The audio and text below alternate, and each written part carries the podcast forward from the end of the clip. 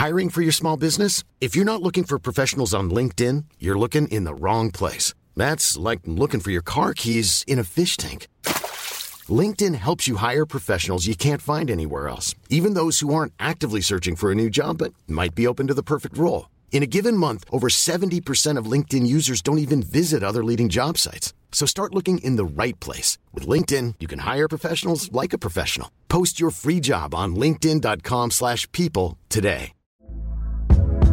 Hey there, it's Michelle Norris. I'm host of a podcast called Your Mama's Kitchen. When I travel, I'm usually looking for a way to find a taste of home when I'm not at home. And one of the things I love to do when I am at home is entertain. And Airbnb allows me to do that. When I was in California recently, I rented a house that had a great kitchen. And when we were sitting around the table, we we're all thinking, we're in someone else's house. Someone could be in all of our homes as well. If you have a home, but you're not always at home, you have an Airbnb. Your home might be worth more than you think. Find out how much at airbnb.com/slash host.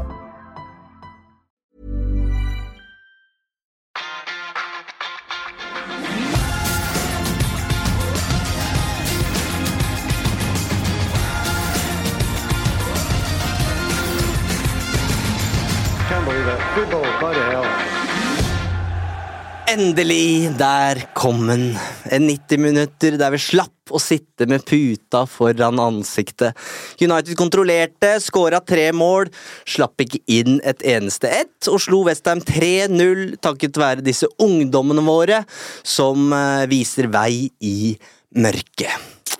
Og til å snakke om eh, det, denne oppturen, så har jeg med meg på min høyre side min garnaccio, om du vil. Eh, gifteklare Madeleine Stolpe. Tusen, tusen takk. Går bryllupsreisen til Manchester eller Maldivene? Eh, sannsynligvis begge deler. Eh, vi må jo innom Manchester noen turer i løpet av året, så vi kan godt kalle det en del av bryllupsreisen. Men eh, så får vi se hvor mye vi klarer å spare, om det blir Maldivene eller om det blir Stockport. Ja, ikke sant?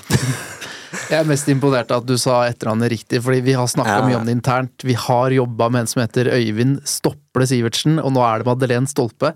Så hver gang vi sier navnet ditt riktig, så er jeg usikker på om vi har sagt det riktig. Men uh, Første gang jeg møtte Stople, så ja, fant vi ut Det hadde vært veldig gøy hvis det var vi som skulle gifte oss, for Ja. Stople Stolpe hadde blitt uh, ja, krevende og gøy. Hadde dere nesten eh, bare beholdt hvert deres navn, ja, for å skape litt kaos. Eh, Og foran meg, min Rasmus Høylund. eh, Eller skal jeg si Antony Martial, fordi eh, du har jo en kropp som ikke har gjort deg noen tjenester så langt i ditt liv, Fredrik. Og denne uka så skal, det, skal du rett og slett under kniven.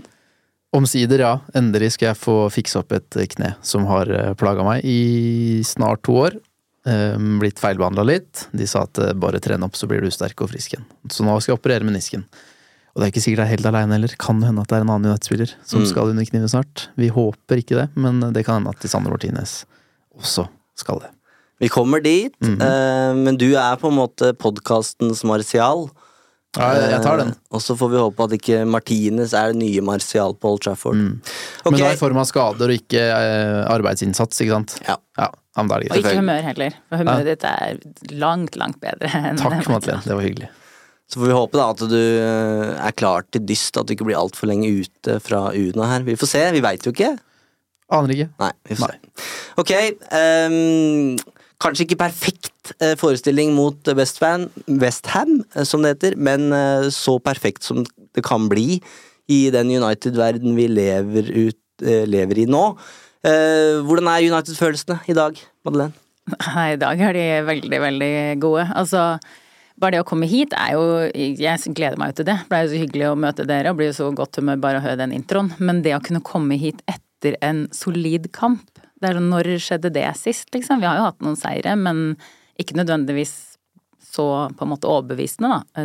Tremålsseier begynner å bli en stund siden sist. Eh, og som du sier, det å slippe å sitte med hjertet i halsen og altså det sier kanskje mer om meg enn noe annet, men mine liksom, beste treningsøkter er jo i sofaen når jeg ser på kamp, fordi jeg har jo høy puls og er kjempenervøs. Og i går var jeg der liksom de første ti. Da syns jeg fremdeles det var litt sånn famlende og stressende, og, og så etter hvert liksom spilte vi oss inn, fikk det målet, og så tenkte jeg åh, det, nå har jeg litt godfølelse, faktisk. Og det var deilig, altså. Og det ser jo ut som et lag, Fredrik. Det gjør det. Det var mye Til og med Casemiro er jo på gang, ikke sant? Så det var mye, mye å glede seg over. Og de holder nullen, de skårer mål. Eh, Det var fire mot Wolverhampton, det var tre mot Westham.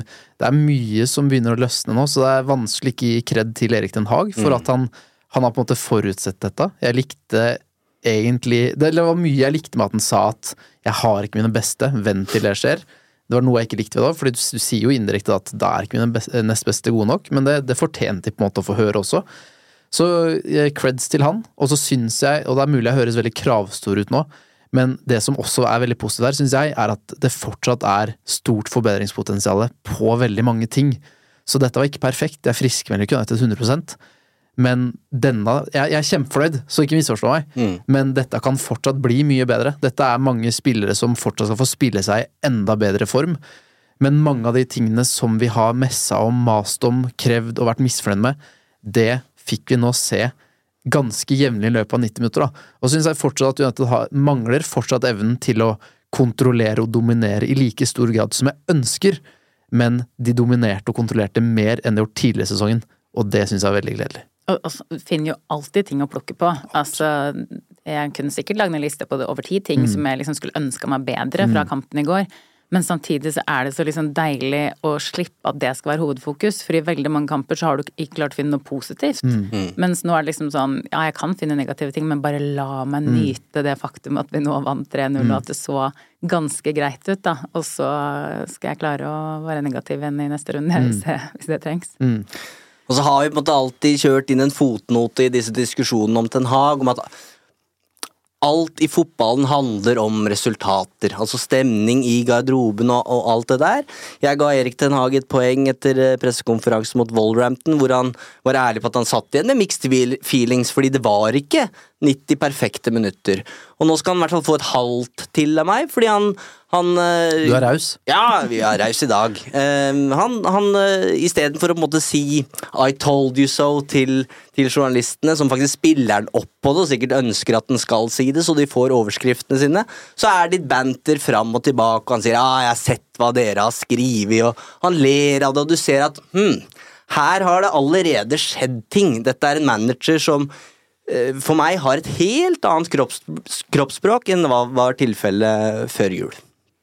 Ja, det, det er forståelig òg, og vi har jo eh, også her i podkasten eh, klaget litt på hans eh, kommunikasjonsferdigheter og hvordan han både kommuniserer med pressen og hvordan vi antar at han kommuniserer internt, men det er klart at eh, i det presset han står i, med skadesituasjonen, med alt det utenomsportslige, det er ikke lett å komme på jobb full av energi og overskudd heller, liksom. Så det er jo som du sier, at når du på en måte ser at det begynner å snu litt, og han kanskje begynner å føle at han kan vise at han eh, har gjort noe riktig, da, så er det klart at det er mye lettere å ha en litt uh, munter tone overfor pressen i forhold til liksom den der eh, forsvarsposisjonen som han har vært i siste året, da. Det er, veldig, altså, det, det er en krevende øvelse å drive en podkast, for det er vanskelig ikke gjenta seg selv og egne poenger. I hvert fall når vi har vi snakker to ganger i uka. Ikke sant? Så mulig jeg gjentar meg selv nå at folk tenker 'å, så kjedelig', men det er noe med den Det virker som han har en type selvsikkerhet, da. Han kritiserer han for at den er lite karismatisk og kjedelig. Jeg kan også kritisere ham for det. Men uansett hvilke situasjoner han har stått i Jeg kan ha tenkt at han rent taktisk og gjør bytter som jeg tenker nå famler han i blinde, hva driver han med nå? Men rent personlighetsmessig og karakteristisk så synes han fremstår så trygg og selvsikker. Og det er noe så stabilt og trygt. Det er akkurat det jeg føler United trenger. Så når han da kan le og fleipe med dette nå, så føler jeg at han bekrefter at jeg veit hva jeg driver med. Jeg trenger så å se at han er den personen som jeg håper at han er, og det føler jeg at han på mange måter bekrefter ved å være den fyren etter en sånn kamp. Hva er det jeg har sagt, hva er det dere driver og skriver om, nå dere hører på meg her. Det er noe herlig befriende ved det, syns jeg, da. Lett når du kan det. Veldig. Ikke det du pleier å si, Fredrik? Jo. Og så er det disse tre lysa våre, da. Altså helle måne. Altså, kan det bli bedre?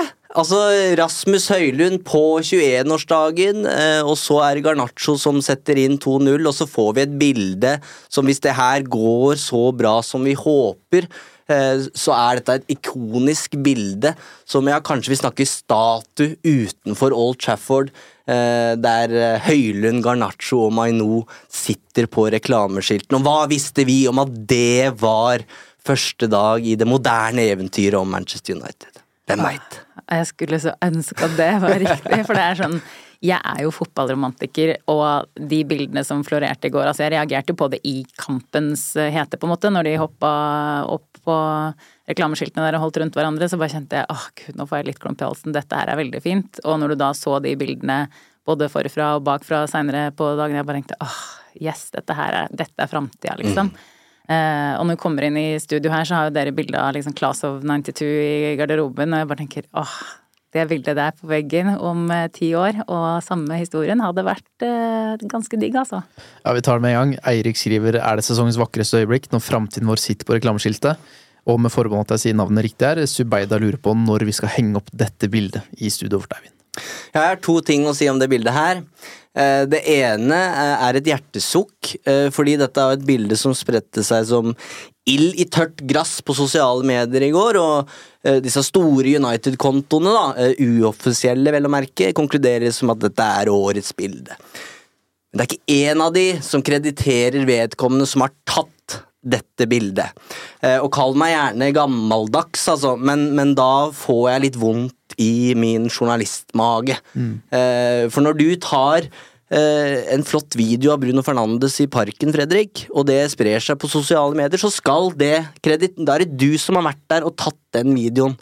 Og på samme måte her, her er det noen som har tatt et veldig fint bilde, eh, og får altså null honnør for det av verden. Jeg vet ikke hvor mange visninger det bildet har. Vi, vi snakker mange, mange, mange millioner. Så det syns jeg er vi- trist. Ja, ja, her er vi jo yrkesskada. Ja, vi er nok det. Jeg, jeg tipper eh, at folk som ikke jobber med liksom merkevare eller som journalister, ikke bryr seg så veldig om dette. Men jeg kjenner meg igjen i den. At liksom Stakkars folk som har tatt det bildet, og så stjeles det bare rått uten noen form for creds. Men eh, da, da er det sagt. Men det er et fantastisk eh, bilde og et sånt Det er et potensielt øyeblikk hvor du Det kan at vi ser på det bildet på veggen om 20 år og tenker For en tid det der var. For en trio. Ja, så jeg lyst Håper i hvert fall. Jeg er litt forsiktig med å håpe. Ja. Har brent meg før, men, eh, men eh, selve bildet, øyeblikket, det tror jeg vi uansett kommer til å huske. Jeg har lyst til å henge det opp her, men da har jeg også lyst til at vi skal finne ut hvem det faktisk er som har tatt det eh, bildet. Ryddig. Eh, ting nummer to eh, det er at jeg ser mange er litt kritiske til at det bildet faktisk blei tatt. Når du er på kamp, så skal du være der og ikke ha telefonen eh, oppe. Eh, men jeg mener ganske bestemt at altså hvis, hvis, hvis Høylund, Garnaccio og Maino setter seg foran deg, så må det være lov å ta et bilde. Ja, og det er litt sånn eh, Jeg er også ganske old school når det kommer til å se kamp. Eh, Jeg liker å se kamp uten å ha ti andre flater oppe samtidig. Både når jeg er på Trafford, men også når jeg sitter og ser kamp på pub eller hjemme. Og så veit jeg at eh, det begynner jeg å bli ganske aleine om. Den moderne fotballsupporter, og særlig jo yngre de blir, har jo alle sosiale medier oppe, sitter kanskje og følger med på litt andre ting samtidig. Selvfølgelig tar de bilder og videoer, og det er sånn det har blitt. Så hvis dere føler dere surmaga når dere mm, klager på manglende kreditering, så føler jeg meg litt sånn surmaga når folk driver med alt mulig annet. Men jeg skjønner det veldig godt. Eh, Det er sånn det har blitt. Det, det, altså, det, den debatten her, den forstår jeg at lever. Det må være til stede i øyeblikket og sånne ting, men, men der sover man litt i timen. Hvis ikke man flekker opp telefonen og tar et bilde av de tre ryggene. Det syns jeg. Nå eh, får vi se hva det her eh, gjør med gjennomsnittsalderen til Uno uh, framover. Kan hende har mista noen på veien her nå. Men vi kjører en uh, Ten Hag-jingle, det har han fortjent, og så går vi rett og slett gjennom de tre skåringene. I just love United. På 21-årsdagen så fikk Rasmus Høylen ballen på skuddhold, riktignok på høyrefoten, eh, men mål meldte jeg i sofaen hjemme idet han la an til skudd, og det er et godt tegn. Ja, det var eh, Altså, det, det er så mye det, det viser liksom styrkene han har. Eh, både styrke i eh, faktisk betydning, eh, men også at han kan eh, bruke begge beina, at han plasserer seg riktig. Og så var det selvfølgelig også godt gjort uh, i forkant der, uh, taklinga. Men eh, nei, vi har jo sett hele tida at det bor masse i eh, Høylund, og så har han jo selvfølgelig ikke fått servert det han skal, men der gjør han jo mye av jobben sjøl òg. Så det var sykt deilig å se den eh, gå inn. Og så var det jo litt mer innøvd eh, øving denne gangen enn det vi har sett. Ja, vi er jo eh, litt kanskje i overkant eh, opptatt av feiringer her, da, men lot du deg rive med av luftgitaren der? Det første jeg tenkte var liksom ah, nå har vi vært så glad for hans rå glede og ikke innøvde ting, og så kommer du og skal drive og jåle deg til ham, men det var litt, det var funny da. Så jeg måtte jo så. Jeg, jeg føler meg så dum i ettertid, fordi jeg, jeg så ikke den luftgitaren der. Jeg, jeg, nei, jeg lurte på hva, hva er det han Altså, ja, ja, så, Beste som sagt partytriks i boka, ja, det der? Nei, jeg, jeg, jeg tenkte sånn Hva er det han eh, Jokke på? Nei, prøver han å vise at den høyrefoten var ikke bare til å stå på. Altså, jeg, så der leste ikke jeg i rommet i det hele tatt, eh, men eh, enig. Litt, litt skuffende at han ikke viste de eh, følelsene som vi elsker han for. Men eh, nå er den på gang, altså. Det, jeg tror Roar Stokke sa det. Fem skåringer og to målene på sine fem siste. Og når han da gjør dette i tillegg, det er ikke bare at han er avhengig av å bli mata. eh, For det, det vet jeg at han kommer til å score på. Hvis han blir mata, så kommer han til å score. Vi så det mot Galatasaray. mm, Evnen til å gjøre ting på helt egen hånd. Men det også få han rettvendt utafor boksen, hvor han kan dra en mann og klinke inn med høyrefoten i tillegg. Tenk deg når han begynner å utvikle hodespillet sitt i tillegg. Det er en potensielt framtidig målmaskin vi har med å gjøre her. Så dette er utrolig gøy, og veldig kjærkomment for United å ha en spiss som scorer mål. For det, det har vi ikke hatt for vane sånn denne sesongen, i hvert fall. Nei, jeg prøvde meg jo med litt banter på X, eh, og skrev at eh, sesongens verste Premier League-signering har nå skåra i fire kamper på rad. Og da er det mange som ja, hallo, Antony, Antony Men jeg snakker jo om den sesongen her, og, Og du bare ironi, Ja. Farlig øvelse. Høy eh, ironialarm der. Men eh, er jo også den yngste til å skåre i fire Premier League-matcher på rad eh, for United, i Premier League, vel å merke. Mark Robins gjorde det i 90 som 20-åring, fant jeg ut i går. Um, og så snakker vi sju målpoeng på de siste sju matchene, og da begynner det jo Ja, ti skåringer. Uh, vi snakka om det forrige episode, at det her målbudsjettet vårt det begynner å nærme seg allerede. Eller vi er nå i februar, men ja. Jo jo, men eh, det er litt igjen av sesongen, og det er klart at han spiller jo på seg sjøltillit ved å skåre sånn i flere kamper på rad, og i tillegg til det, selvfølgelig, hans viktigste jobb er jo å skåre mål, men han gjør veldig mye annet bra òg, og så er det kanskje det vi har fokusert på fram til nå, fordi at det ikke har blitt så mange mål, men det er jo ikke det at han gir seg med det, selv om han nå har begynt å skåre og også serverer andre, så er det jo jeg, må, jeg syns jo det er litt stas når han liksom nettopp har skåret, og to minutter senere så er han nede ved egen 16-meteren og, og gir en liten smell til Zuma der, liksom. Han, eh, han har både en work ethic og en radius og en sånn fightervilje som jeg syns er utrolig digg å se på.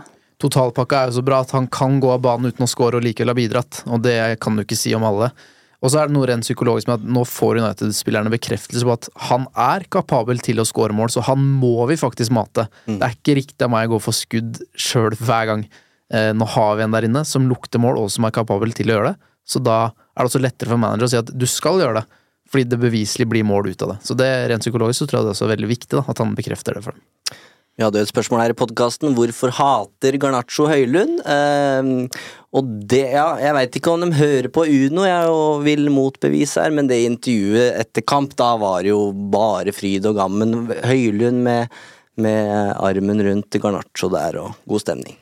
Ja, det, da er det et hat-elsk-forhold i så fall, for det så ganske så bromance ut i går. Ja. Både på banen og utenfor, så um, jeg tror ikke de der eh, har noe problem med, med hverandre i det hele tatt. Men de er interessert i å score begge to, og det er bra, det. Ja, sånn skal det være. Ros til Casemiro, som vinner eh, ballen høyt. Skal dere få en syk statistikk her. Eh, Dette er første gang eh, en lagkamerat er nest sist på en Rasmus Høylund-skåring i ligaen.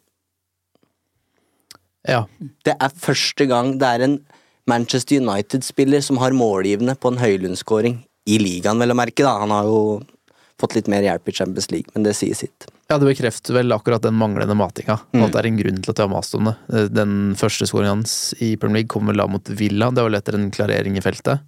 Så den stemmer jo, den. Og det er ganske Det er en sprø statistikk, det er det jo. Så på tide, og du nevnte Madeleine, all hyllest til Casemiro for det bruddet. For det, det er det han også skal bidra med. Eh, Og så har han en sånn tilstedeværelse som Jeg, jeg friskmelder ikke Casemiro. Det, han skal få levere over lengre tid, men han begynner å minne om sitt gamle jeg. Eh, så det er også utrolig gledelig. Så, men den statistikken den er stygg, så det er bra at de Ja, morsom, synes. Ja, jeg Ja, det er- I dag er den morsom. I dag er den morsom. Hadde de tapt Ja, ja. 3-0, så hadde det vært ganske trist. Eller 3-1. Ja.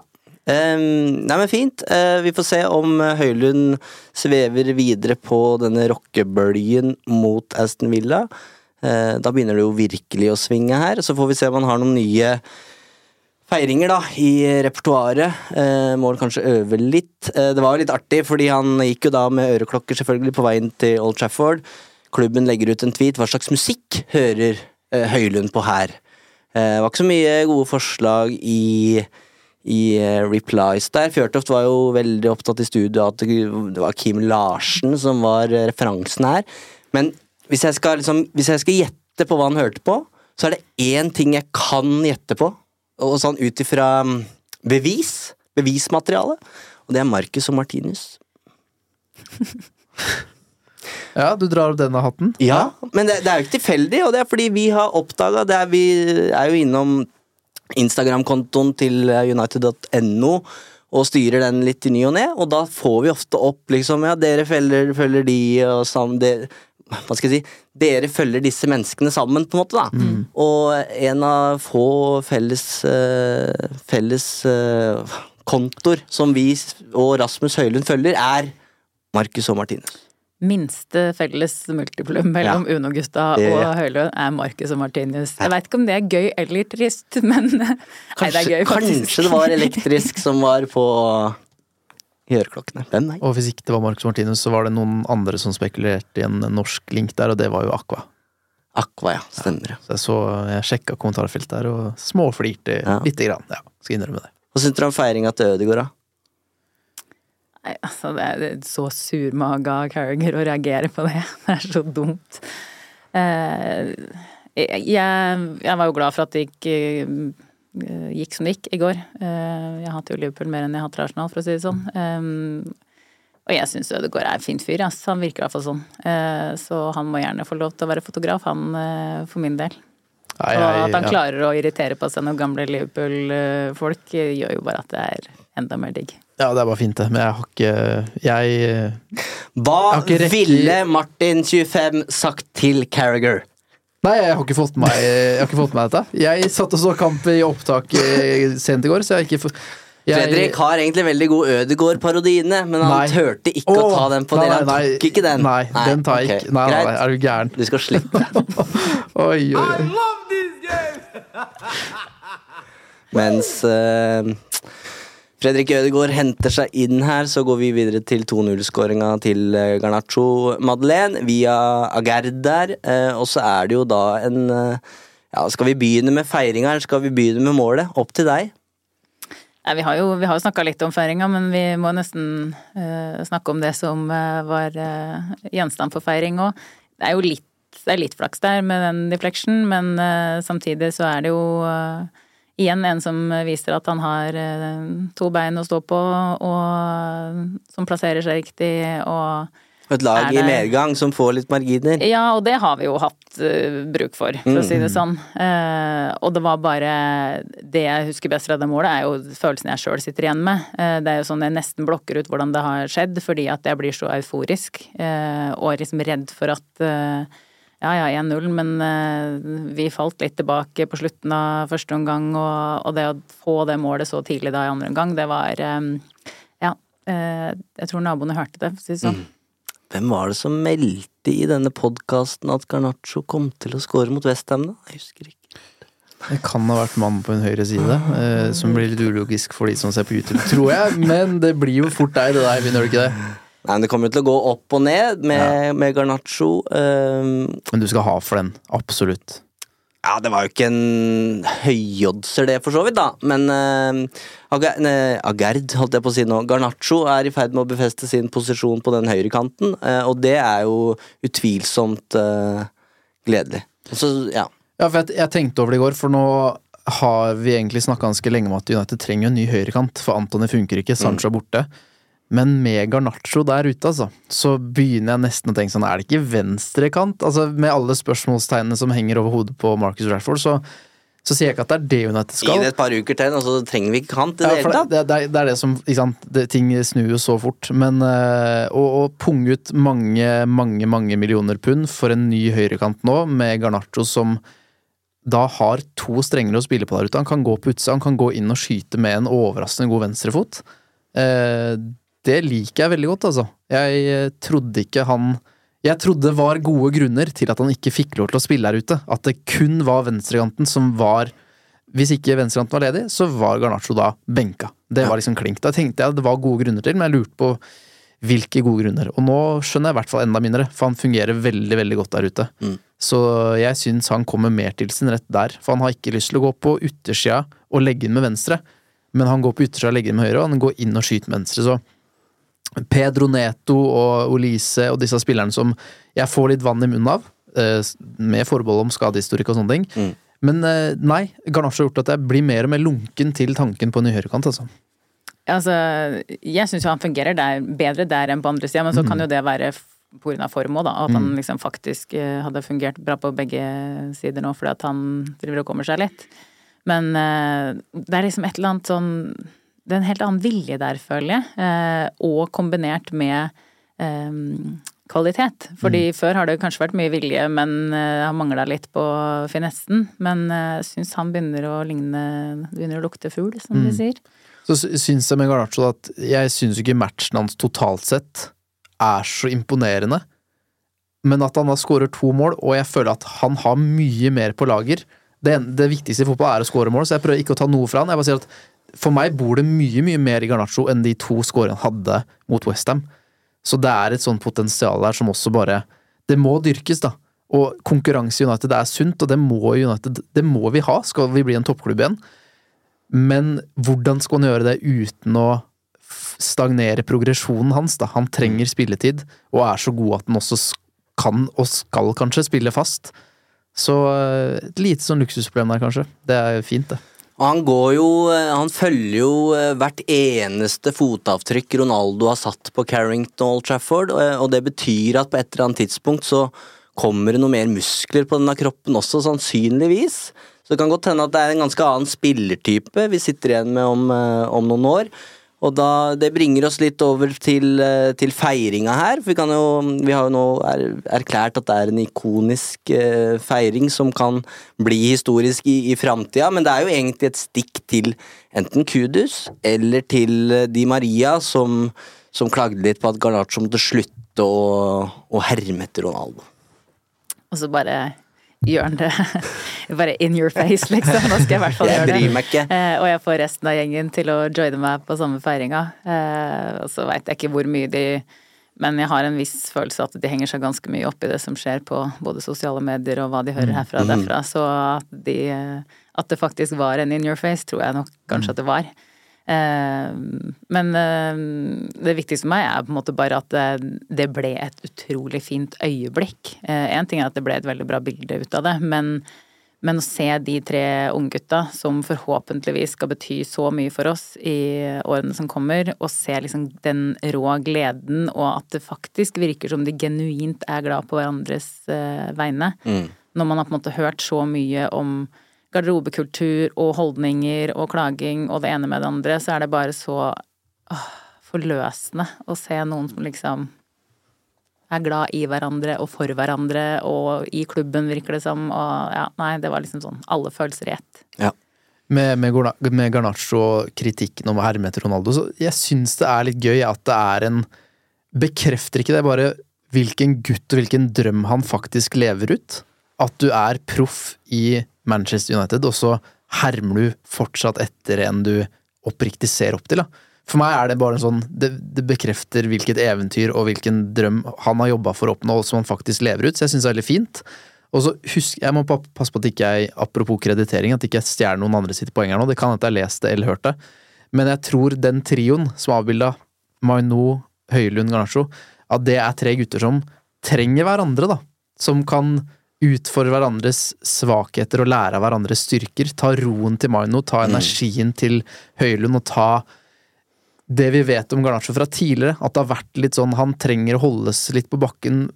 Så jeg tror de kan påvirke hverandre positivt, alle tre. da. Så jeg syns det er noe sånn Ah, nydelig bilde. Mm. Bruno Fernandes med målgivende har nå fem opp til Ja, tar du den? Hvem er, hvilken portugiser er det som har flest målgivende i Premier League? Neto. Nei, Neto? Ja, det var, det var modig. Nei, det er Nani. Å ja, Som nei, vi- jeg, jeg trodde du mente denne sesongen ja, her, ja. sorry. Ja, ja, nei, nei, Sorry, nei, da var jeg ikke tydelig nok. Nei, da, da hadde jeg ikke tatt Neto, nei. Nani, nå spiller han hvor spiller Ja, han nei, nå? da, da skjønte jeg at jeg bomma på All quizen. time, eh, Nani øverst, Br- Bruno har fem opp, eh, mens Ronaldo nå er ett bak. Ja. Bruno Fernandes. Vi har et spørsmål fra Håvard. Tross målgivende, er Bruno ute av form? Jeg fikk litt kjeft for å kritisere Bruno i forrige episode, men jeg står for det jeg sa. Du har satt igjen. Nei, jeg, jeg, altså Jeg syns han var bedre Nei, det jeg sa, da, var bare at jeg syns han var Jeg forventer at de tingene han svikta på mot Wolverhampton, skulle sitte. Eh, at det var slurvete, og at United kunne skåra langt flere mål om Bruno eh, var på sitt beste den dagen der. Og så bidrar han alltid med løping og kriging og jaging og kjefting. Eh, men jeg, jeg syns ikke det er en brun i toppform. Selv om han får registrert en målgiv, målgivende på den pasninga til Garnaccio, så er jo det Garnaccio sin scoring. Det er en fin ball for all del, men det er ikke noen skåringsmulighet han egentlig settes opp i. Um, så ikke nødvendigvis ute av form, men på ingen måte i toppform. Er dere med meg? Ja, jeg har sett den bedre. Ja. Eh, Jeg skulle til å si akkurat det samme. Han er ikke ute av form, Nei. men han er ikke i sin beste form. Det sier jo noe om kvaliteten hans. Han plukker jo fortsatt målpoeng ganske jevnt og trutt, så taket er liksom så høyt da, for, for Bruno. Og det er luksus, det òg. At han kan produsere uten å være i toppform. Da vet vi hvor mye mer som bor i han. Så hvis han også, eh, i takt med de gode spillerne som kommer tilbake også og spiller seg i form, hvis Bruno også blir med på den progresjonen der, så kan det bli veldig bra og gøy framover. Mm. Garnaccio triller inn 3-0 også, han. Eh, Tomålsskårer. Eh, står nå med sju mål og to målgivende denne sesongen. Eh, jeg har jo trukket litt paralleller til Cristiano Ronaldos første sesong, at de på en måte Dette er hans Ronaldo-sesong. Eh, og Ronaldo hadde fire pluss fem i sin første, så langt foran skjemaet. Det er jo betryggende. Ja. Og så er det jo alltid fristende å trekke paralleller, og alltid litt farlig å Ja. trekke paralleller, men, eh, men som sagt, jeg, jeg føler at han har noe på gang, og at vi begynner å se mer av det som eh, bor i han. Um, og, og tre ulike målgivende òg. Altså, det var vel McTominay som eh, gjorde en innsats i forkant av det siste målet. Mm. Som jeg også syns hadde et bra, inn- bra innhopp i går, egentlig. Mm. Så, så det var liksom Ja, det var også litt deilig at ikke det var noen man kunne på en måte sette fingeren på som var utprega dårlig. Eh, når jeg liksom satt og tenkte ok, hvem var det som liksom virkelig utmerka seg, så hadde syns jeg alle hadde perioder hvor de var veldig bra. Onana hadde jo noen kjemperedninger òg som var utrolig godt å se. Eh, og Dalot hadde perioder hvor han var kjempebra. Begge midtstopperne var jo til det gikk gærent, holdt jeg på å si. Eh, veldig bra. Så det var liksom kanskje noe av det jeg syntes var deiligst i går, i tillegg til at det var en tremålsseier, var at eh, jeg føler at liksom det var ingen jeg kunne virkelig liksom si at ikke leverte i det hele tatt. Nei.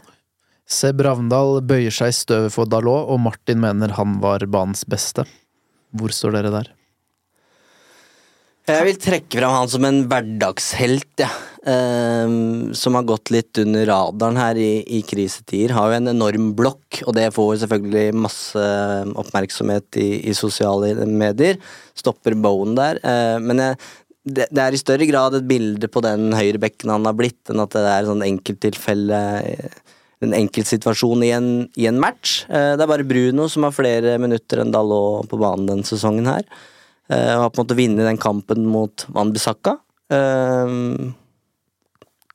Kanskje ikke en ligavinner, liksom, jeg, jeg veit ikke helt, men uh, tallene hans er gode. Best på taklinger og brudd i, i United-forsvaret. Har blitt en solid brikke.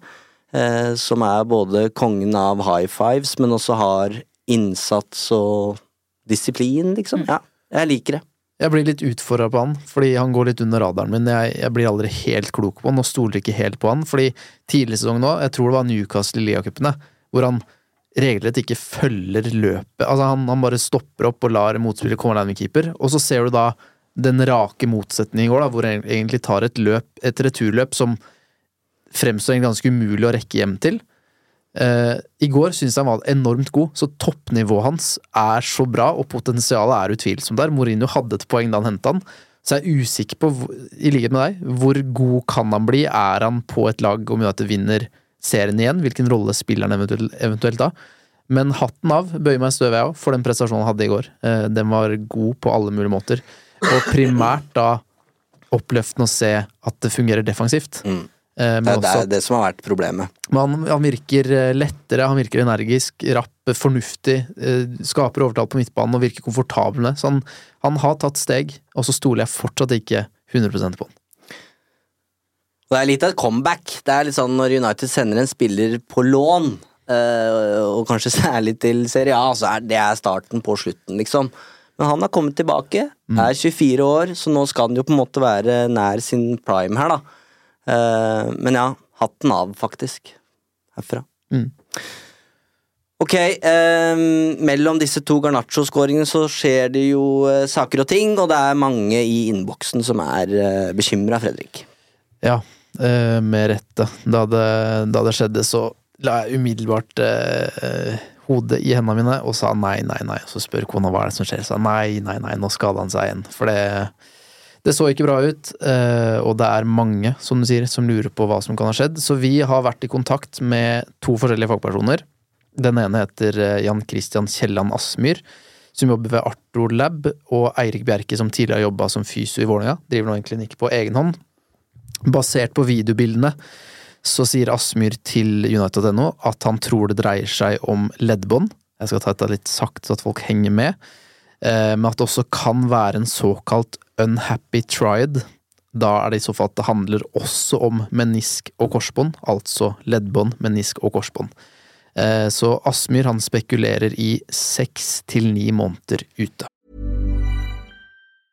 Selling a little or a lot?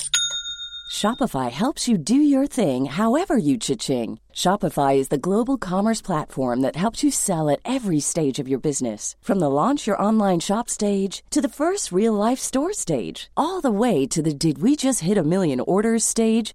Shopify is there to help you grow. Shopify helps you turn browsers into buyers with the internet's best converting checkout. 36% better on average compared to other leading commerce platforms because businesses that grow grow with Shopify. Get a $1 per month trial period at shopify.com/work. slash work. shopify.com/work. slash work. Ryan Reynolds here from Mint Mobile. With the price of just about everything going up during inflation, we thought we'd bring our prices down. So to help us, we brought in a reverse auctioneer, which is apparently a thing.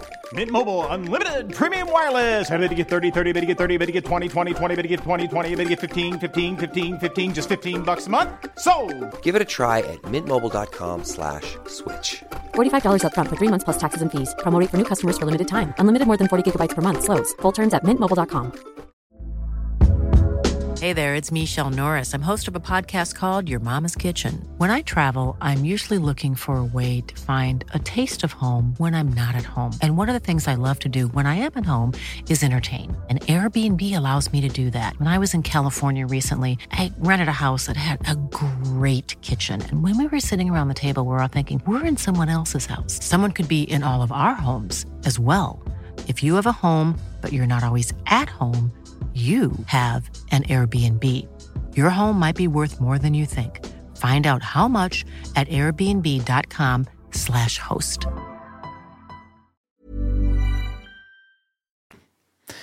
Bjerke han tror også at det er leddbånd, eh, altså det som omtales som MCL, men han frykter også noe som er verre, det er korsbånd, såkalt ACL. Eh, så for å ta oppsummeringen her, da. Eh, Bjerke sier at om det bare er strukne leddbånd, bare, i hermetegn, snakker vi to til tre måneder ute. Røket leddbånd vil være fem til seks måneder, mens korsbånd kan ta alt fra syv måneder til ett år. Det kan også være snakk om mindre skader, men eh, dette var altså det både Aspmyr og Bjerke tror, med bakgrunn av hva de så på video. Hva sier United-følelsene nå, Madeleine? Og jeg kjenner at det liksom smuldrer opp inni meg. Der var mandagsbluesen tilbake. Ja, og det er sånn, hvorfor? Nå kan vi ikke bare få lov til å være lykkelige, holdt jeg på å si, for en kort stakket eh, stund. Og det er sånn, det har vært så deilig å få han tilbake etter den skaden, og for hans sin del. Og du så jo hvor knust han var når han gikk av i går, og hvordan han prøvde å først komme inn igjen og liksom ikke ville av. Eh, og den jobben som legges ned for å komme tilbake etter skade, og så har du så vidt kommet deg tilbake på banen og levert så bra som det han faktisk har gjort, som er ganske imponerende etter å være ute så lenge, og så kanskje du er ute i månedsvis igjen, liksom. Det er jo en massiv blow for han, men ikke minst for eh, oss, og det Ja, det er det fulle laget som vi drømmer om, det ser ut til å forbli en drøm. Ja, og han har jo på en måte vært litt sånn den Det er, det er flere som har kommet tilbake her, men det, det er lett å peke på Martinez og si at der! Det var den drikken som, som mangla. Derfor har vi sett ut som et fotballag igjen tidvis mot Wolverhampton, og, og egentlig hele matchen mot, mot Westham. Uh, så det føles jo Tankene går jo tilbake til Sevilla forrige sesong, for, eh, for ganske nøyaktig ett år siden. Uh, og, og hvis det her er da i verste i verste fall snakk om 69 måneder, så begynner du å snakke om, ikke karrieretruende, så begynner du å snakke om at her er en fyr som ikke kommer tilbake igjen på det nivået som, som United henta han da han, var- da han var i, i Ajax, altså. Jeg skjønner at man tenker sånn, for det er noe med det psykologiske med å komme tilbake og vite at du har et kne som er skjørt. Eh, og det er jo en personlig tragedie for han. Da, om han er ute i 69 måneder eller 7-12 måneder, så har han da mista fort halvannet år med fotball bare på de to siste årene. Eh, Så da skal man jo sette spørsmålstegn ved hvilket nivå kan han komme opp på igjen. Det er helt naturlig å spørre seg. Og så er det en personlig tragedie for meg å se at en så viktig brikke for United ryker ut med skade igjen. Det er krise for Ten Hag. Det er, det er veldig kritisk for United, for det er noe med hans bidrag som du, du kan ikke bare plukke det. Eh, Du kan ikke bare sette inn en hvem som helst annet og få de bidragene her. Det er noe med roen, de konstruktive valgene med ball, evnen hans til å dra på press, klinken i bakrom og skape målsjanser. Han er ufattelig god én mot én også, så rent forsvarsmessig så kan du godt sikkert sette inn en eh, forsvarsspiller som i teorien kan forsvare seg like bra, men du mister så mye av det offensive grunnspillet med han, da. Og det er en United er jo allerede på jakt etter en venstrebeint stopper til. Og det haster jo nå. De får ikke gjort Stakkars noe Jordan Evans.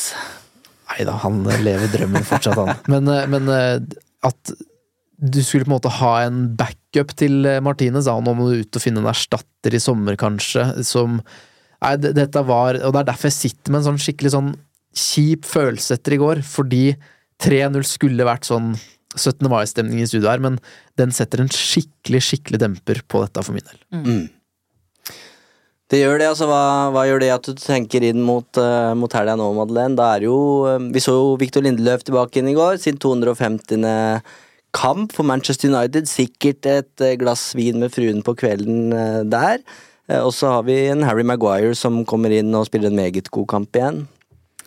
Ja, altså, så, altså som på veldig kort sikt, eh, snakk neste kamp, så er jeg jo ikke liksom kjempebekymra, fordi vi har jo faktisk eh, Maguire er jo den som virkelig har stått opp eh, den sesongen her, men jeg syns jo også at Lindeløv har levert bra, og så er det som Fredrik sier at vi, vi mister noe, men sånn rent vi klarer å forsvare oss. Det er ikke midtstopperne våre som har vært hovedgrunnen til at vi har, hatt, eh, har sluppet inn mange mål i år. Det er stort sett på midtbanen vi har tapt de duellene, men så jeg er ikke kjempebekymra for søndag. Um, men jeg er bekymra for uh, den positive utviklinga som jeg liksom håpte vi nå skulle begynne å se, etter de to siste kampene hvor man kanskje har sett litt tendenser, da.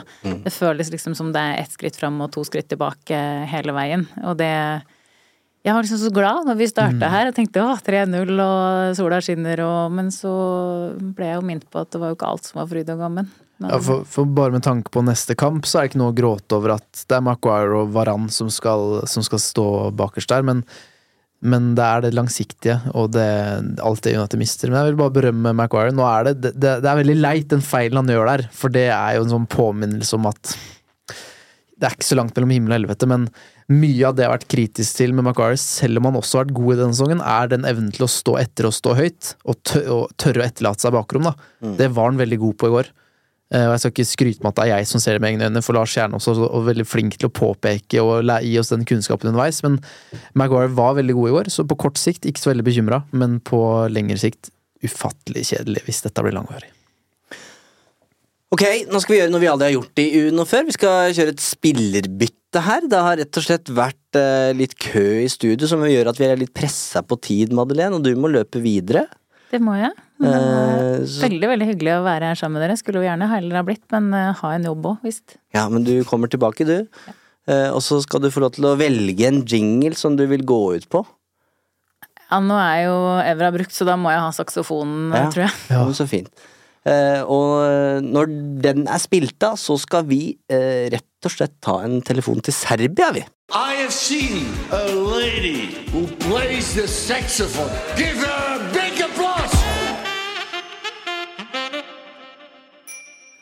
For på flyplassen i eh, Beograd, der befinner du deg, eh, Lars Morten Olsen, eh, dagen før det er gått 66 år siden den tragiske München-ulykken. Og hva har du gjort i, i Serbia, mm, Lars Morten? Hvordan har det vært? Ja, jeg reiste jo først og fremst for å komme hva skal jeg si, litt nærmere historien vår. Eh, fordi eh, Manchester United spilte jo da mot Røde Stjerne Beograd i eh, den eh, 5. februar. Så det er da 66 år siden i dag. Jeg reiste dit for å både besøke mm, byen og bo på samme hotell som spillerne den gangen bodde, Majestic Hotel. Både bodde og hadde den berømte banketten etter å ha gått videre i Europacupen til semifinalen. Og i tillegg så dro jeg i går ut til eh, Røde Stjerne stadion. Eh, fordi at det var jo Røde Stjerne United møtte da. Og så gikk jeg da videre til Partisan Beograd stadion fordi at det var der kampen ble spilt, rett og slett fordi den, den stadion tok mer tilskuere. Det er jo litt spesielt. De to rivalene eh, er bare 500 meter fra hverandre. Du har vært mange ganger i, i München, og dette er jo en hendelse som preger eh, ja, både, både, mm, både München og, og Beograd. Absolutt. Det er jo eh, Røde Stjerne har et spesielt forhold til Manchester United, og omvendt, vil jeg tro. Og så nå er jeg jo på flyplassen, som sagt, på vei til München. Hvor jeg da skal være, kommer senere i dag og skal være med på markeringen i Trudring i morgen. Fikk du sett match i går? Ja da. Vi var tidlig ute på stadionanleggene der på, til Røde Stjerne og Partisan. eh, Nettopp av den grunn at vi visste at vi eh, hadde en match vi måtte rekke klokka tre. Så den så jeg på irsk pub, som seg hør og bør. Godt å høre. Da må du ha god tur til eh, München og god markering der. Takk for praten, eh, Lars Morten. Bare hyggelig. You're listening to Uno, your number one podcast on Manchester United. Mye på menyen i dag, og vi skal eh, få inn Håkon Aaberge, som er ekspert på både U-akademiet og, og kvinnelaget. Men før det skal vi runde av kamppraten, Fredrik. Eh, er det noen spørsmål vi ikke har besvart? Ja, vi sitter her med noen som jeg mener eh, fortjener at vi snakker litt om. Eh, Leon spør hvem som er Uniteds toppskårer når sesongen er ferdig. Og der lurer jeg, Du fører jo statistikk. Har du oversikt over på en måte hvem som troner øverst eller topp tre nå? Har du oversikt? Har det hvis Excel-arket får tid til å loade her, for så tungt er det. Det er Rasmus Høylund med ti. Eh, det har jo lenge vært Scott McTominay. Han eh, ligger nå og står litt fast nå. Ja, ja. Han har sju, og Garnaccio har sju. Bruno Fernandes har seks. Ja, men eh, med den formen Rasmus er i, og den oppadgående formen United viser, så syns jeg at det vil være rart å svare noe annet enn vår danske venn. Ja, jeg er enig, og det, det syns jeg det skal være òg, liksom. Ja. Og det er jo ingenting som er bedre enn det enn hvis Rasmus Høylund blir toppskårer. Nå er, nå er spørsmålet egentlig bare hvor mange det blir, Mm. syns jeg. Ja. For jeg syns 15 nå er litt, det er litt passivt å melde det nå. Og så syns jeg, om man da Om Rasmus Høylund stopper opp på 15 skåringer i Premier League, eller om det blir 15 totalt i løpet av sesongen, så er det flere enn han har skåra i sine tidligere klubber, eh, og en meget god start på det som forhåpentlig blir en langvarig og suksessrik karriere i, United. Så det er i så fall en veldig god debutsesong, syns jeg, da. Og så har vi litt frustrasjon ute og går. Det er Bjerkgården, det er Lars, Ola og Robert blant andre. De er fortvila og frustrert over at Ahmad Diallo ikke får sjansen. Er du også det, Eivind? På sett og vis. Jeg syns det på en måte vi uffer oss så mye at det er vanskelig å og på en måte være forbanna pga. det etter en 3-0-seier mot Westham. Men, men ja, det er et bytte igjen på slutten der som ikke blir uh, brukt. Og så skjønner jeg at Den Haag vil gjøre alt det han kan for å, for å trygge inn ikke bare, ikke bare seier mot Westham, men, men en clean sheet. Uh, men ja. Jeg, jeg hadde stussa litt hvis jeg var Ahmad Diallo på vei hjem fra match uh, i går, ja. Ja, og nå er det så mange ganger hvor han har hatt gode anledninger til å sette inn dialog, da. Ta Newport borte. Han kommer ikke inn mot uh, Wolverhampton, hvor Antony da også gir bort en scoring, hvis man skal være eh, veldig streng. Og så er det Antony som får sjansen igjen på nytt, og for min del så er det noe med det talentet til Diallo som jeg mener fortjener flere sjanser, men det er også noe med kvaliteten hans da, som jeg syns hadde passa godt inn i går. Der United skal forsvare en ledelse og bare trygge inn den, holde nullen. Der, og der er Diallo en veldig god kombinasjonsspiller som ville bidratt til pasningssikkerhet og flyt. og så jeg er jo, som jeg har sagt mange ganger, jeg er veldig fan av han og har veldig troa på han. Ikke nødvendigvis i United, men at det blir en meget god fotballspiller. Så jeg savner også at han får de sjansene fremfor noen av de andre som får komme inn. Mm. Så jeg forstår og deler fortvilelsen og frustrasjonen. Og så har vi et spørsmål fra Sander, og sikkert litt i kjølvannet av skaden på Lisandro Martinez, men Sander spør hva vi vet om det medisinske apparatet i United om dagen. Og da er det litt egoistiske årsaker til at jeg tar med det spørsmålet, fordi at jeg har blitt fortalt noe som jeg syns er litt interessant og lovende. Det, vi veit alle at den legen fra Arsenal har kommet inn, er det O'Driscoll han heter? Mm. Han skal ha fått myndighet og tillatelse til å totalrenovere den avdelingen der.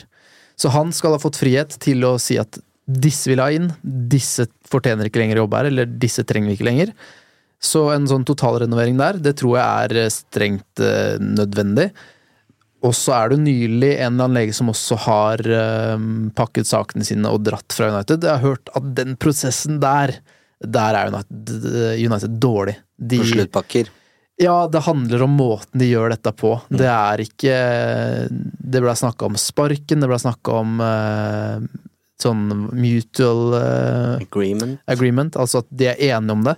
Men det jeg har hørt, da, som jeg liker veldig dårlig, er at de forsurer arbeidsmiljøet og Altså, de gjør det rett og slett umulig for vedkommende å trives på jobb som gjør at vedkommende da til slutt sier at jeg, jeg, jeg, jeg, gir meg. Nei. Mm. Så de gjør det fælt på jobb for den det gjelder, og at det finnes en rekke tilfeller av det i nyere tid, da, hvor du rett og slett bare tvinger folk ut, da, sånn at de slipper å gi sparken og da etterlønn og sånne ting. Høres ut som Farmen, Fredrik. Er ikke du glad i det? Jeg er glad i Farmen, og akkurat de tingene der er jeg ikke så glad i. Så det, det syns jeg er dårlig stil i så fall. Eh, lite profesjonelt. Men at det ryddes opp i det medisinske apparatet til United med en lege fra Arsenal med veldig godt rykte, det syns jeg utelukkende høres positivt ut. Mm. Det er en del som spør om topp fire i innboksen. Det er jo et godt tegn, fordi eh, da betyr det at United begynner å nærme seg. Men det er åtte poeng opp, eh, og det er, det er langt. Det virker litt for langt. Det var lenger enn jeg trodde. Eh, og da har vi dette halmstrået da, som Dag har, har snakka om siden, siden sesongstarten her, at det kan bli topp fem som ender i Champions League fra Premier League denne sesongen. Det jeg har mest om, er jo dette nye Champions League-formatet, som jeg ikke er noe stor tilhenger av. Som betyr at det er 36 lag som skal delta, og to ligaer får derfor en ekstra plass i det nye Champions League-formatet neste sesong. Og de to plassene de går til de to nasjonene som gjør det best i europeiske klubbturneringer denne sesongen. Så det handler jo Alt dette handler om koeffisientpoeng, som må telles opp underveis her. Eh, Det er ganske enkelt for så vidt. Du tar antall poeng, altså antall koeffisientpoeng, og de sanker du ved å komme til gruppespillet, ta en seier eller spille uavgjort, og eventuelt gå videre fra, fra gruppa. Så handler det ganske enkelt om hvor bra du gjør det. United har jo da bare bidratt med sju poeng der, mens City og Arsenal, disse andre lagene som har gått videre, vil jo eh, sanke flere poeng. Og så skal disse poengene da deles på antall lag fra landet som er med i Europa, og i dette tilfellet her, i Englands tilfelle, så er det da åtte lag, eh, så det er en poeng som skal deles på åtte. eh, og i bunn og grunn så kan jo United egentlig takke seg sjøl hvis dette ikke går, fordi de ikke har bidratt nok til den potten som kunne gjort at England hadde fem plasser i, i Champions League neste sesong. For status etter gruppespillet er at det er Italia og Tyskland som ligger an til å få fem plasser per nå. Men det er utrolig jevnt. Altså, Tyskland har 13,64 poeng, og England har 13,63. Så dette er på okay. ingen måte avgjort. eh, Så det er bare å følge med på de, lag, de seks engelske lagene som er igjen. Eh, Arsenal, City, Brighton, Liverpool, Westham og Villa. Um, og så avhenger det da selvfølgelig av hvordan de italienske, tyske og også spanske laga gjør det i utslagsrunden her, da. Men det er et håp om at det kan bli femplasser. Ja, jeg, hvis du får, føler du fikk litt dårlig respons her nå, så Nei, det er snakker du tørre- du snakker, tørre greier, dette. Nei, det var godt forklart, men du snakker altså tall med en som satt eh, nede i kjelleren på Marland videregående skole på mattekurset til Elisabeth, så jeg, jeg falt ut ganske tidlig her, skal innrømme det. Ja, Um, dette blir fulgt opp på united.no for de som uh, trenger det. Meget bra. Ok, skal vi rulle videre? Ja.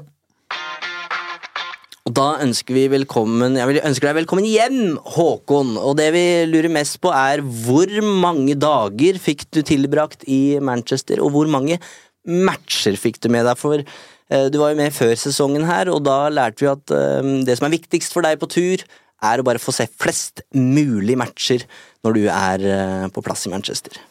Ja, det ble ikke så mange denne gangen her. Det var egentlig ikke en planlagt tur heller, det var litt sånn spontant, egentlig.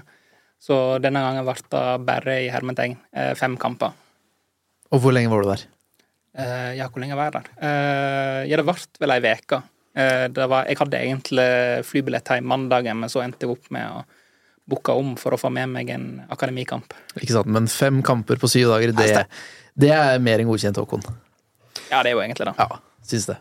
Og noen av de var jo eh, kvinne, kvinnelagets kamper. Vi skal kjøre en oppdatering nå på, på hvordan det ligger an. Eh, United slo Brighton 2, eh, 2-0 i helga. Håkon, hva vil du si til folk som ikke har fulgt noe særlig med på kvinnelaget? Hva er status per februar, når det begynner å nærme seg innspurten her? De som har fulgt herrelaget, vil jo kunne kjenne igjen en del av det som har vært med kvinnelaget. For det har vært en ganske vanskelig sesong. En dårligere sesong enn i fjor. Uh, Una Badje, høyrebacken fra i fjor, har vært veldig savna i år. Og United har sett tidvis litt idéløs ut offensivt, og defensivt har en allerede sluppet inn flere mål i ligaen enn hva en gjorde i hele fjorårssesongen. Ja. Eh, Så det har vært mye som ikke har vært bra, og så er det litt bedring nå. Det ser litt mer solid ut. Eh, Mark Skinner ser ut til å litt, i litt større grad finne ut hvor han skal bruke spillerne sine, men det er altfor tidlig å friskmelde det uansett, for det har ikke vært god nok motstand til at en kan si noe veldig klart der, da. Men Ja. det ser vanskelig ut med Champions League for kvinnelaget òg. Og det er ganske heftig press på Skinner nå. Ja. eh, Det har jo alltid vært litt skepsis eh, til han, og det snakket vi vel om før sesongen Mm. Òg. Og det har vært mer synlig nå. Eh, Det har vært mer plakater med 'Skinner out' og sånt på kampene. Eh, Jeg så en del sånne plakater da jeg var på bortekampen mot City i Liacupen. Eh, Men samtidig, det er ikke noe sånn opprørsstemning heller. Eh, Men, eh, men den skepsisen som allerede var der, den eh, er forsterka. Det er den. United slo altså Brighton eh, hjemme, men jeg syns det har vært litt for mange skjær i sjøen her på veien til at liksom kan Man kan si at de har levert som, som de burde, og det syns jo også på tabellen. Eh, De ligger på fjerdeplass, og her er det jo de tre øverste plassene som gir eh, Champions League. Gikk ikke det engang. Det lærte jo United på verst mulig vis i, i høst, når de da tapte for PSG i kvaliken og ikke gikk videre. Um, men de har nå fire poeng opp til, eh, til Arsenal. Den gode nyheten var jo at Arsenal tapte nå i helga, så det er andre lag som avgir poeng her også. Men hva, hvordan anser du mulighetene for at eh, United får en god vår her og tar seg inn i topp tre? Det som er, det er ganske jevnt felt. Hadde du spurt meg før helga om dette, her, så hadde jeg sagt at, eh, null, at det er null sjanse. Ja. Da tapet til Arsenal kom overraskende, og det gjør at det er litt håp nå. For nå er det fire poeng opp til Arsenal, da, og United sin neste kamp er borte mot Arsenal, altså neste ligakamp. Mm. Eh, Så da kan en jo redusere avstanden til ett poeng der. Men jeg tror uansett det vil være vanskelig. United har nok eh, litt tøffere kamper igjen enn hva Arsenal har. Eh, Men, men det er en mulighet der. Mm. Men eh, da tror jeg nesten de må vinne den kampen mot Arsenal. Hvem vil du si er sesongens spiller så langt? Det er vanskelig å komme utenom Nikita Paris. Har jo vært i kjempeform de siste. Ja, ja, De Mm. fem siste målene United har skåra, har jo vært Nikita Paris har skåra. Eh, hun står allerede med 15 mål totalt denne sesongen. Og Vet ikke om hun var Sneik hun med seg inn på det laget som vi satte opp før sesongen? Det tror jeg, jeg jeg tror ikke det. Nei, jeg tror jeg setter Lucia Gashia framfor på høyrekanten, men litt av greia nå har jo vært at Paris har spilt spiss. Og det har hun ikke gjort tidligere, og det har vært litt sånn, det kommer litt utover sesongen egentlig, at uh, Mark Skinner har funnet ut at det er bedre å plassere Paris sentralt og flytte uh, nysigneringen eh, Jace ut på kanten. Mm.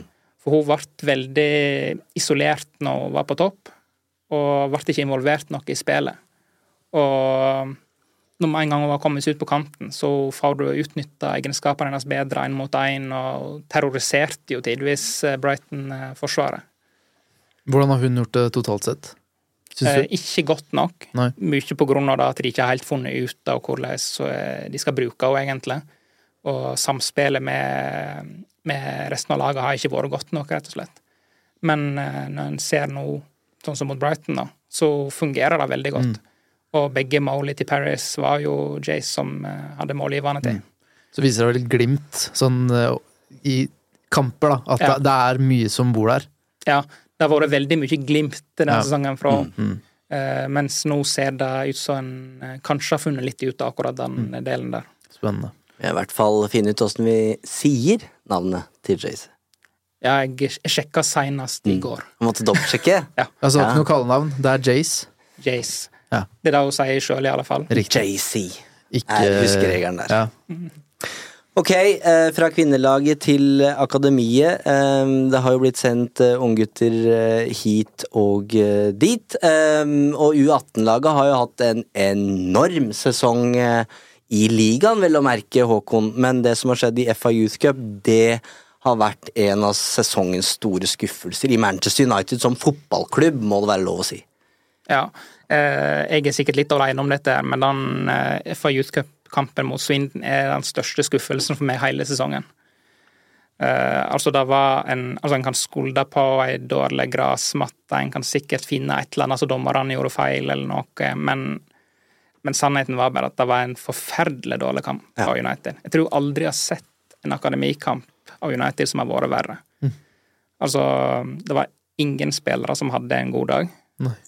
Alle hadde en dårlig dag. Og det så ut som de knapt kjente hverandre. Og hvis de kjente hverandre, så likte ikke de hverandre. Okay. Det var, Det var den dagen der, ja. ja, Riktig. det var sånn, de- så ut som det var en gjeng som eh, direkte mislikte hverandre. Det var, sånn, det var ikke vennepasninger, det var erkefiendepasninger. Dette er et lag som leder med 17 poeng på City i ligaen. Har altså tatt samtlige poeng så langt, men akkurat i den eh, FA Youth Cup-kampen mot Swindon så, så krølla det seg. Ja. Eh, jeg vet ikke om noen uh, tipper dere ikke har vært i Swindon? Nei. Nei, eh, rett, ved, rett ved stadion der så er det en helt absurd rundkjøring. Og det så ut som spillerne hadde kjørt litt for mange runder i den. altså. Bussen tok jeg ekstra runde der før match. Men åssen fungerer dette på akademinivå og FA Youth Cup? Er det sånn at alle lag der er i ett og sam, en og samme divisjon, eller er Swindon og United i forskjellige divisjoner Ja, også de, de, der? de møter ikke hverandre i- til daglig, nei. Nei, så Swindon er et betraktelig dårligere fotballag også i ligasystemet på det nivået? Eh, ikke nødvendigvis. Det er litt vanskelig å si hvordan den styrkeforskjellen skal Ja. Mm. være. Og Swindon har gått videre igjen i neste runde. og Ok. Jeg husker ikke hvem de møtte, men, eh, men uansett. Ja, så ikke noe sånn nødvendigvis åpenbar undervurdering, eksempel. Bare en fryktelig dag på jobben, ja, det var mest av alt en fryktelig dag på jobben, og så kanskje noen feilvurderinger av trener Adam Lawrence. Mm. Uh, og så kanskje han undervurderte de litt. Mm. Uh, men det var fortsatt et sterkt nok lag til at de absolutt skulle vunnet den kampen.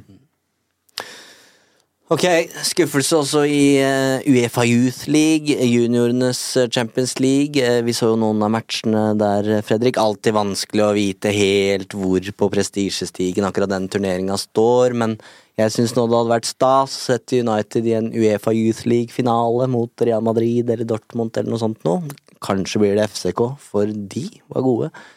De imponerte meg mye mer enn det United gjorde. ja. Og nå har jeg jo sagt de gangene jeg har snakka om Kamvala at jeg har hatt tynt grunnlag for å bedømme, men det var spesielt i de kampene mot FCK at jeg tenkte at ah, hvor god er han der? Er det skadeperioden som har gjort at den har blitt henta litt Det er igjen? jo Emil Høylund, vet du. Eh, ja.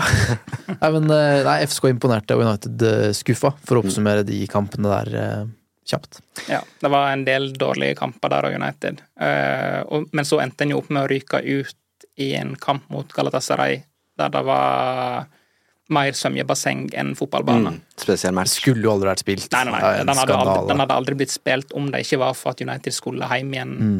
Så det hadde vært vanskelig å gjennomføre den på et Ja. annet tidspunkt. Men eh, så skjønner jeg jo at det var litt vanskelig for eh, arrangøren der, men, eh, men det var ikke en fotballkamp jeg så Mm. På. Vannpolo. Du har gode oppsummeringer av uh, den siste måneden på akademiet på united.no, Håkon. Og hvis du nå skal uh, få litt samme oppgave som du gjorde på, på kvinnelaget, se sesongen under ett Trenger ikke å være sesongens spiller nødvendigvis, men liksom hvis du skulle delt ut en blomsterbukett nå i februar, hvem ville du gitt den til? Oh, godt spørsmål. Uh, det som er litt greia, er at det har vært så veldig mange spillere som har vært gode, spesielt da for U18-laget. Eh, de har 21 forskjellige målskårere denne sesongen, og de fleste av dem har skåra mer enn ett mål òg. Så det er veldig vanskelig. Eh, altså Ethan Williams har vært veldig god i det når han har vært på U18-laget. Eh, Men han har spilt mye på U21-laget òg. Mm.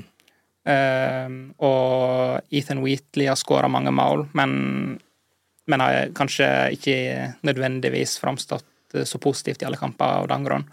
Men eh, Louis Jackson, midtstopperen, har vært veldig god. Um, Jack Fletcher Ja, er naturlig var- å nevne. Det var det jeg skulle spørre om.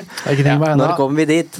Ja, Han har ikke vært så god i de siste kampene, men du ser, altså når en ser han på nært hold, da eh, Nå så jeg han på nært hold for første gang nå på tirsdag mot Liverpool.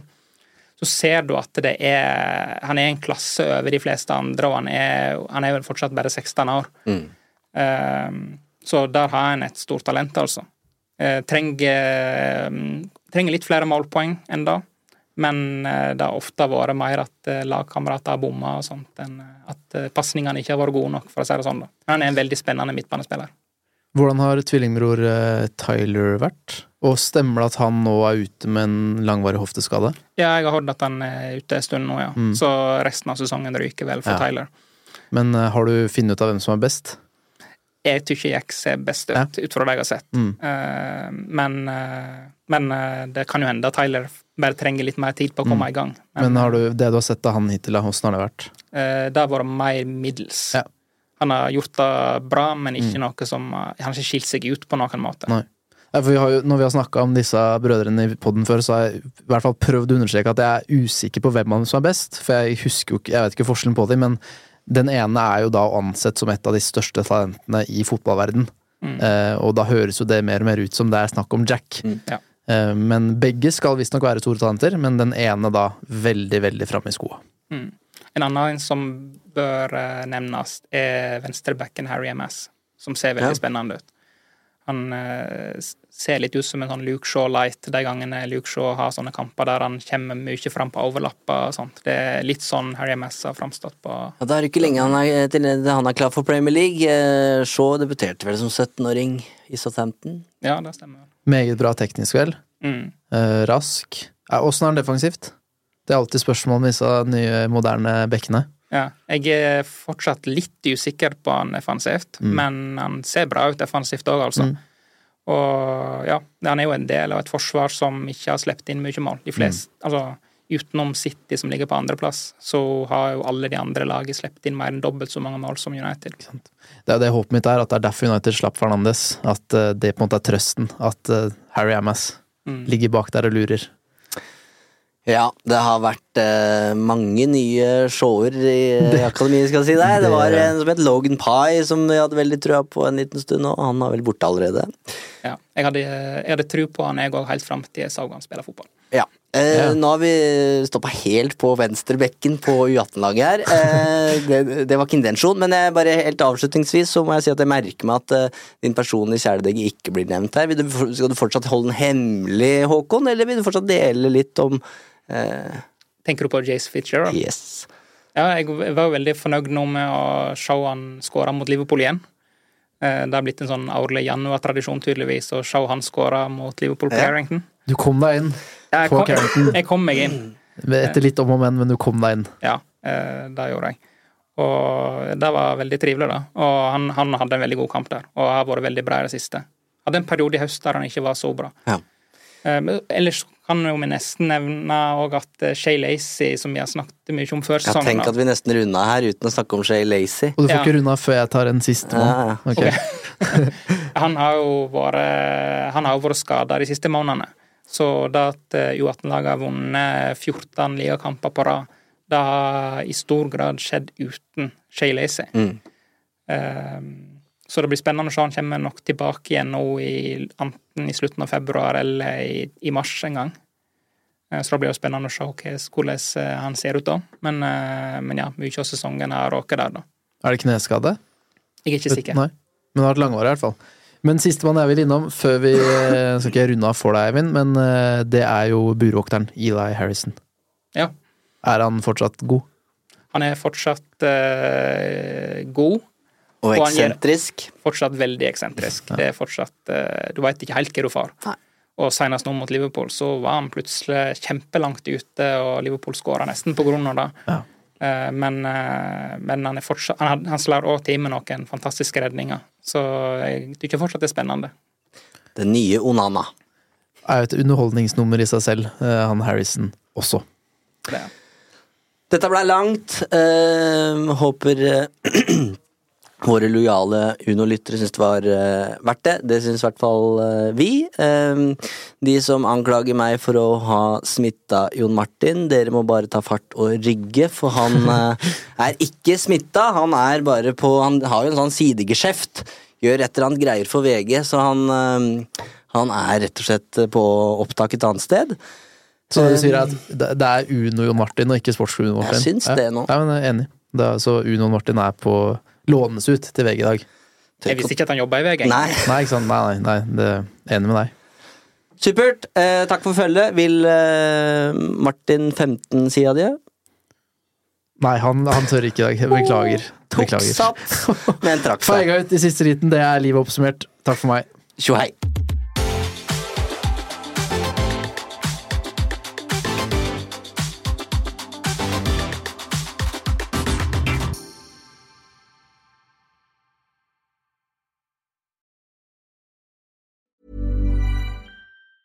Planning for your next trip? Elevate your travel style with Quince. Quince has all the jet setting essentials you'll want for your next getaway, like European linen, premium luggage options, buttery soft Italian leather bags, and so much more. And is all priced at 50 to 80% less than similar brands. Plus, Quince only works with factories that use safe and ethical manufacturing practices. Pack your bags with high-quality essentials you'll be wearing for vacations to come with Quince. Go to quince.com slash pack for free shipping and 365-day returns.